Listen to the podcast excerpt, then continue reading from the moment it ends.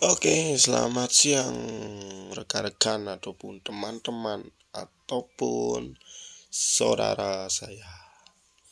Kembali lagi di podcast saya di Kadek Librawan Audrey. Kemarin di episode yang ketiga yaitu mengenai atau memberikan tips tentang teknik bola lambung. Kali ini saya uh, di sini memberikan tips atau teknik-teknik yang benar yaitu sekarang saya ingin memberikan teknik dribbling atau mengiring bola.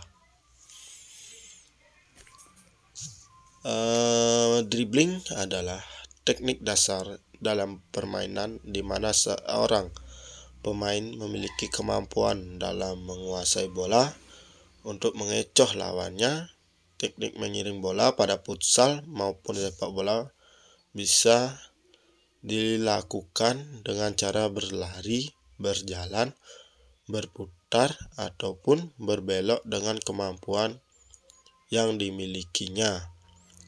Agar jangan sampai lawan dapat merebut bola dari penguasaan kita. Pada saat pertandingan, pada saat pertandingan berlangsung, Teknik dribbling dibutuhkan untuk melewati pemain lawan dan mengarahkan bola menuju ruang kosong serta membuka peluang untuk melakukan tendangan ke arah gawang.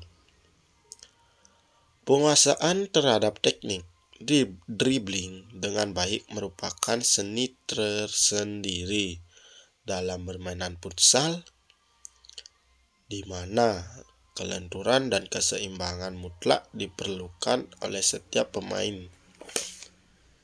Cara untuk melakukan teknik dalam mengiring bola atau dribbling dengan baik ada beberapa teknik yaitu yang pertama itu dribbling dengan kaki sisi luar. Cara mengiring bola menggunakan teknik kaki bagian luar ini dilakukan untuk memperdaya pemain lawan ke arah samping kanan atau kiri pemain. Tergantung kaki yang digunakan. Jika seorang memakai kaki kanan bagian luar, maka dia bisa mengecoh ke arah kanannya, yaitu ke arah sebelah kiri dari pemain lawan dan begitu juga sebaliknya. Yang kedua yaitu dribbling dengan kaki sisi dalam. Pada permainan futsal, Seorang pemain dapat mengecoh lawannya dengan menggunakan teknik mengiring bola. Ini ke arah samping kiri jika dia menggunakan kaki kanan bagian dalam atau di sebelah samping kanan dari pemain lawan, begitu juga sebaliknya. Dribbling dengan punggung kaki.